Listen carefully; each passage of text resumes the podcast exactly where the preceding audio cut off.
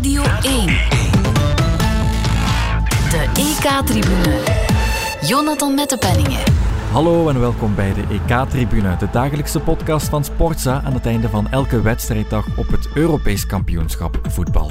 Frankrijk, Portugal, Duitsland en Spanje. De grote jongens kwamen vandaag aan de bak. Drie keer te min om ze ook zo te noemen. We noteerden amper één unieke topprestatie. Want Duitsland, ja, dat begon met een valse start aan DTK, maar zette die tegen Portugal helemaal recht. Muller glijdt die bal tot bij Havertz. Kimmich kijkt. Muller wijst waar de bal moet komen. Ah, Goossens verdient het. Hij verdient het. Ho, ho, ho. Robin Goossens. De man van de match kiezen wordt geen uh, moeilijke opgave. Hij is altijd vrij. Hij is altijd vrij. Het is een demonstratie van de manschaft. Portugal-Duitsland werd een spektakelwedstrijd waarop we gehoopt hadden. Zes doelpunten, goed voor 2-4 in het voordeel van de Duitsers. Spanje kwam tegen Polen opnieuw niet verder dan een gelijkspel. En ook uberfavoriet Frankrijk kwam niet voorbij de Dekselse Hongaren. Veel stof om over na te praten en daarvoor heb ik radiocommentatoren Bert Sterks en Tom Boudeweel bij me. Dag mannen. Hallo. Dag Jonathan. Bert, ik begin bij jou. Jij gaf commentaar bij Portugal-Duitsland. Ik citeer even wat ik las op Twitter daarnet. Wat wil je worden later? Antwoord, wingback. Het was al het TK van de wingbacks. Komt ene Robin Goossens even hallo zeggen? Ja, uh, zij die in Nederland nog altijd zweren bij 4-3-3, hebben het nu in levende lijven gezien, denk ik. Hè, dat het heel goed kan werken met die wingbacks. De ene geeft de assist en de andere trapt hem binnen. Uh, Kimmich naar uh, Goossens. En inderdaad, je noemde die Goossens die was tegen Frankrijk niet goed. Die was een van de mindere. De, kreeg toen ook best veel vrijheid, maar um, uh, verspeelde bijna elke bal toen. En nu speelt hij gewoon een andere wedstrijd. Hij was fantastisch goed. Die won elk duel, die ging bij naar voor. Die was betrokken bij bijna elke aanval, gooide er zich voor, kreeg dan nog een applauswissel ook. En ik las dan zo net dat verhaal dat het voor hem ook een persoonlijke revanche was op Cristiano Ronaldo. Ja. Omdat hij in die competitiematch in Italië het shirt van Ronaldo wou en die hem gewoon negeerde en nee zei, Goossens, zo, wie is dat, die Robin Goossens? En inderdaad, dat is een, een naam uit de duizend. Hè. Robin Goossens is geen naam die zomaar even opvalt. Maar mm. vandaag heeft hij zich wel laten zien aan Europa. Dat is uh, een van de absolute smaakmakers in die wedstrijd. Die... Uh, Semedo van Portugal sterretjes heeft laten zien en die een heel bepalende rol heeft gehad in die wedstrijd. Een hele goede match van uh, Joshua Kimmich ook, als rechter wingback dan, waar hij volgens de gangbare voetbalwetten niet zou moeten staan, maar Bert, waar eerder de 3-5-2 van de Boer al werd gerechtvaardigd is met de 3-4-3 ja. van Leuf, misschien vandaag hetzelfde gebeurt. Ja, ja, beloond voor zijn koppigheid, denk ik. Hè. Joachim Leuf staat er wel onbekend om heel hard vast te houden aan zijn idee en die 3-4-3 die pakte niet goed uit tegen Frankrijk. In Duitsland wilden ze daar ook wat anders zien. Maar nu loonde dat wel. Het, het, het, middenveld dat tegen Frankrijk nog overlopen werd door Kanté op zijn eentje eigenlijk bijna. Mm -hmm. Dat uh, werkte nu wel perfect met de steun van Muller en Havertz die dan in die 3-4-3 wat centraler blijven hangen. Daar hadden die uh, twee verdedigende middenvelders van Portugal heel veel moeite mee. Getuigen daarvan ook Sanchez, die uh, na de rust ter hulp moest komen. Hè. Dan moest daar wat komen helpen om dat middenveld om het evenwicht te herstellen. Dus die 3-4-3 heeft vandaag heel goed gerendeerd voor, um, voor Duitsland tegen, tegen Portugal. Maar ik was wel verrast dat het zo liep. Ik had dit echt niet verwacht van Duitsland nee. na die eerste wedstrijd tegen Frankrijk. Nee, absoluut niet. Um, Tom, in Spanje waren er, waren er ook twijfels. Je gaf commentaar bij een wedstrijd tegen de Polen. Het grote debat ging daar toch vooral rond één man, Alvaro Morata. Opgelegde kansen verkwanselde hij tegen de Zweden en niet één keer. Maar ik kreeg wel opnieuw het vertrouwen van Luis Enrique vandaag. Maakte ook de 1-0, maar plaatste dan wat later de rebound naar de penalty voor een leegdoel naast. Heeft dat dan nog met met vertrouwen te maken? Want het is wel een jongen die daarop blijft, maar... Uh, ik weet het niet. Um, omdat hij toch al getoond heeft dat hij doelpunten kan maken. En je zag ook de grote opluchting bij, of na het doelpunt toen hij meteen naar Luis Enrique is gelopen om hem dood te knuffelen. Omdat hij gisteren uh, de, op uh, een dag voor de wedstrijd op de persconferentie nog eens zijn vertrouwen heeft uitgesproken en hem verdedigd heeft na alle kritiek die hij heeft gekregen. Dus dat was wel een overwinning voor Morata en ook een overwinning voor uh, Luis Enrique natuurlijk. Want als je als coach iemand het vertrouwen blijft geven, ondanks dat uh, de natie tegen is, ja, dan doet het uh, dubbel deugd. En ik vond dat ook de zet van uh, Moreno heel goed was, omdat dat ook een garantie is op doelpunten. En omdat hij als uh, ja, buitenspeler dan ook voor dreiging kon zorgen. En die twee hebben dan ook dat eerste doelpunt samen gemaakt. Dus dat rechtvaardigde wel de keuze van de coach. Tot dan liep het goed, maar als je dan alweer een penalty mist, en ik zeg alweer omdat het toch stilaan het EK is aan het worden van de gemiste penalties, ik denk dat het al de vijfde is, dan ja, schiet je jezelf in de voet, om die populaire term maar eens te gebruiken. Ja, zeker eh, tegen de paal en dan de inlopende Morata die dan uh, mist. En hij heeft nog wat de scrimmage kansen gekregen. Nog een 1-1 met de doelman van Polen. Ja, ze missen, ondanks het feit dat hij dan scoort, ze missen, en dat zeiden we ook na de wedstrijd tegen Zweden, ze missen een type Lukaku die uh, die kansen kan afmaken. En dat kan hen duur te staan komen natuurlijk, want ze hebben 2 op 6, staan op de derde plaats en moeten nu vol aan de bak tegen uh, Slowakije op die laatste uh, speeldag. En dat had toch niemand, denk ik, verwacht van Spanje, dat toch ook een van de schaduwfavorieten is. Maar ja, ze kunnen het uh, niet echt waarmaken. Opnieuw weer heel veel balbezit. Maar het aantal kansen vind ik toch, uitgespeelde kansen, mm -hmm. vind ik toch uh, beperkt. En daarom vond ik het ook opvallend dat hij dan die twee spitsen eraf heeft gehaald. Ja. Ja, dominant zijn ze graag. Opnieuw heel veel balbezit. 70% was het, was het, denk ik. Minder dan de 85% tegen Zweden, maar toch nog altijd heel veel. Um, maar als ze de bal kwijt waren, ging het ook wel heel snel. Lewandowski die kon kinderlijk makkelijk een voorzet van Joziak binnenkopen. Die dubbele kans van Swiderski en Lewandowski, dat was ook opvallend. Ja, hoe sterk staat Spanje defensief eigenlijk? Um, minder goed dan we denken. Omdat tegen Zweden hebben we dat ook gezien. Toen uh, is het niet afgestraft. Maar die hebben ook wel per helft minstens één, twee grote, zeg maar reuze kansen gekregen. En dat was nu met de Polen ook het geval. Terwijl ze toch van ver moesten komen, omdat ze ook diep terugvielen.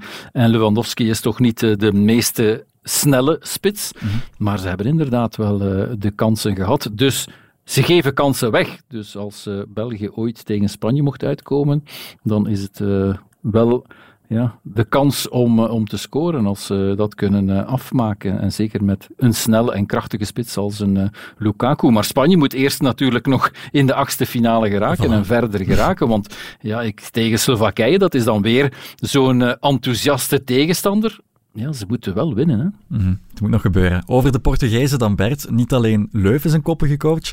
Fernando Santos is dat ja. ook. Ja, hij start opnieuw met zijn twee logge defensieve middenvelders. Niet met Renato Sanchez, die de vorige wedstrijd mm -hmm. in Hongarije toch in gang stak.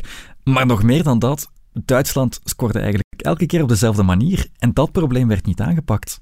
Nee, daar vonden ze geen antwoord op. Hè. Nu dat hij met die twee wat loggere middenvelders start, kan je nog zeggen, misschien is dat nodig voor het elftal, mm. uh, voor, de, voor de, de balans in dat elftal. Hè. Want ze hebben wel redelijk wat offensieve weelden daarvoor lopen ook, uiteraard. Het is niet dat ze daar uh, alleen maar met defensieve spelers uh, staan. Die Guerrero gaat dan ook nog eens vaak mee over de linkerkant. Dus ergens moeten ze wel een beetje het evenwicht bewaken, denk mm. ik, in die ploeg. Maar het is zo, hè, die flanken waren gewoon veel sterker aan de Duitse kant, maar eigenlijk niet alleen de flanken. Het, het was een algehele prestatie. Het was, uh, ik kan niet zeggen Sturm- und Drangvoetbal, want dat is, het is niet zoals als vroeger het Sturm- und Drangvoetbal. Er werd ook echt bij momenten goed gevoetbald door Duitsland.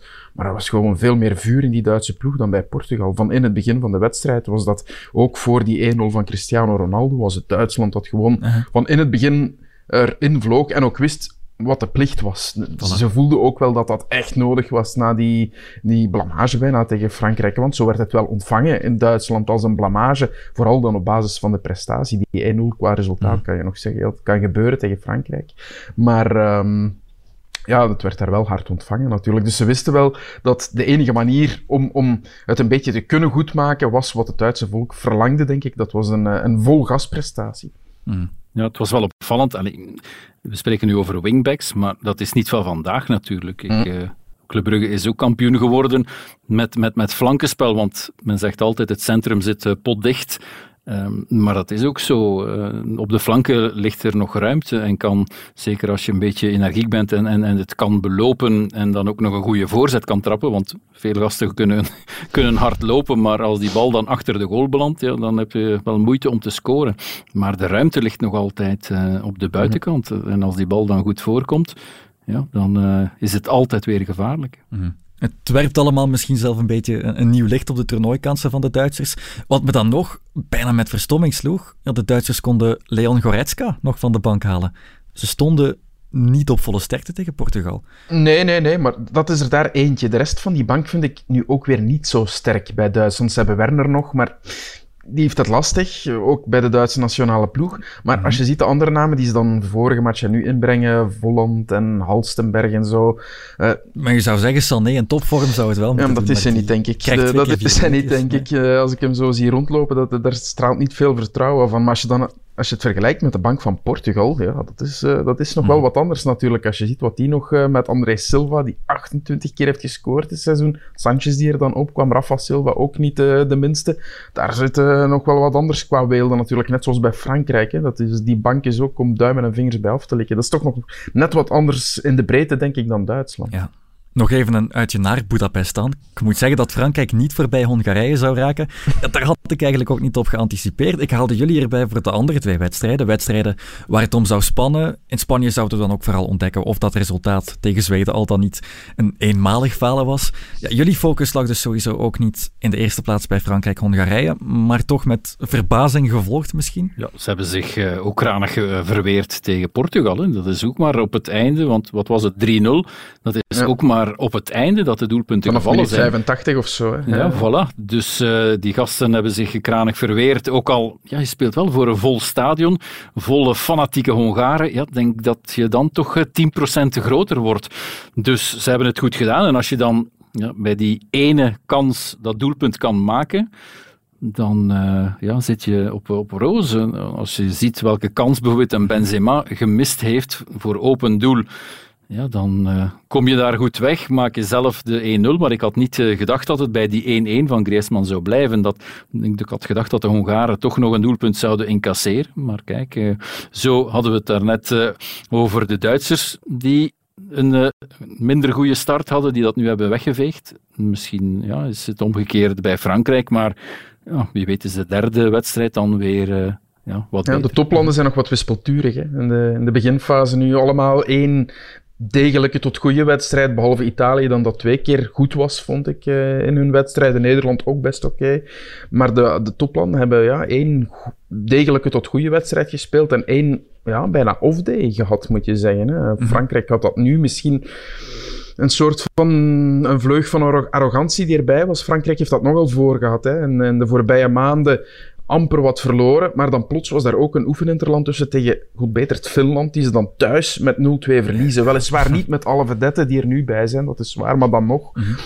Dat zijn zo van die vreemde momenten die, die, die de Fransen dan hebben, die, die helemaal niet verwachten, inderdaad. En die dan nee. toch voorkomen, zelfs op een groot toernooi. Mm -hmm. Maar jij deed dan wel Frankrijk-Duitsland ja. enkele dagen geleden. Daar waren weinig echt slechte tekenen te merken, toch? Nee, zonder dat ze daar een glansprestatie neerzetten. Hè. Terend op het -hmm. talent van Mbappé ook voor een groot stuk. Ja. Hè. Een toporganisatie, top Kanté op het middenveld. En die snelheid van Mbappé, die, die bracht de Duitsers gewoon constant in de problemen. Um, maar ook toen hebben we gezegd van, we zijn benieuwd wat er gaat gebeuren wanneer ze een keer op achterstand mm -hmm. komen, of wanneer ze het spel zelf gaan moeten maken. En die knop omdraaien is dus duidelijk toch niet zo simpel voor de Fransen. Dat zit er redelijk gebeiteld in die manier van spelen, zoals ze het in 2018 deden. En dat even omdraaien is dan blijkbaar toch niet zo simpel. Mm -hmm. Is dit dan een accident de parcours, Tom? Of mogen we toch wat afsnijden van die status als topfavoriet? Het gaat uh, vooral over de manier van spelen, denk ik. Het is uh, terecht wat Bert zegt, van als ze het spel moeten maken, en dat moeten ze toch tegen de Hongaren. Ik denk dat Deschamps veel mag, maar dat je dan helemaal gaat terugkruipen tegen Hongarije, dat lijkt me dan niet echt het, een strak plan voor een wereldkampioen. Maar ja, tegen Duitsland kon dat wel, omdat ja, de Duitsers zijn dan toch net iets sterker en kunnen ze dan wat meer uh, rekenen op de snelheid van Mbappé. Maar ja, als, ik zeg nu maar, de Hongaren gaan kamperen op hun 16, ja, dan kan hij wel snel lopen, maar dan loopt hij gewoon de tribune in over de achterlijn. Dus dat is het grote probleem. Um, vanaf dat er weer een uh, andere tegenstander aankomt, ik denk dan Portugal, wat toch weer uh, beter is, mm -hmm. kunnen ze weer in hun egelstelling kruipen. Want ik, ja, je kan wel zeggen, uh, ze hebben gewonnen tegen Duitsland, maar ja, de reacties achteraf, en ook bij mij, waren toch weer van mannekes, mannekes, wat voor een voetbal is dit? En het is inderdaad arrogant. En ze staan daar allemaal met de Kimpembe's en, en, en van deze wereld, geraak er maar eens door. Mm -hmm. Het is een beetje cynisch voetbal, wat we ook uh, gezegd hebben op het uh, WK. Maar ze winnen wel tegen de Duitsers en ja, dan moeten ze nu het spel maken. En uh, is het niet gelukt. Het is een geweldige affiche wel, hè? Portugal-Frankrijk, waar het echt om draait. Het had helemaal anders kunnen zijn. Het had een wedstrijd om niets kunnen zijn. Dat had uh, heel goed kunnen zijn op die derde speeldag, maar het gaat daar wel uh, om spannen, denk ik. Terwijl Duitsland een beetje vanuit de zetel tegen Hongarije winnen, zijn ze er helemaal zeker van. Plots is die situatie in die groep helemaal anders dan, uh, dan na de eerste spelen. Voilà, het wordt nog spannend in groep F. De actie van vandaag nog even samengevat. Frankrijk stelde teleur, de Portugezen waren koppig, de Duitsers ook, maar dan beter. En Spanje kon toch nog eens een doelpuntje meepikken, maar opnieuw geen drie punten. Alle actie van de tweede speeldag is zo alweer afgerond. We treden nu in de concluderende fase van de groepsronde, nemen binnenkort ook afscheid van wel acht ploegen. Dat blijft natuurlijk een beetje belachelijk, maar ja, we gaan het in elk geval volgen. Morgen zijn we hier weer, maar voor nu heel erg bedankt Tom Boudeweel en Bert. Graag gedaan, dag.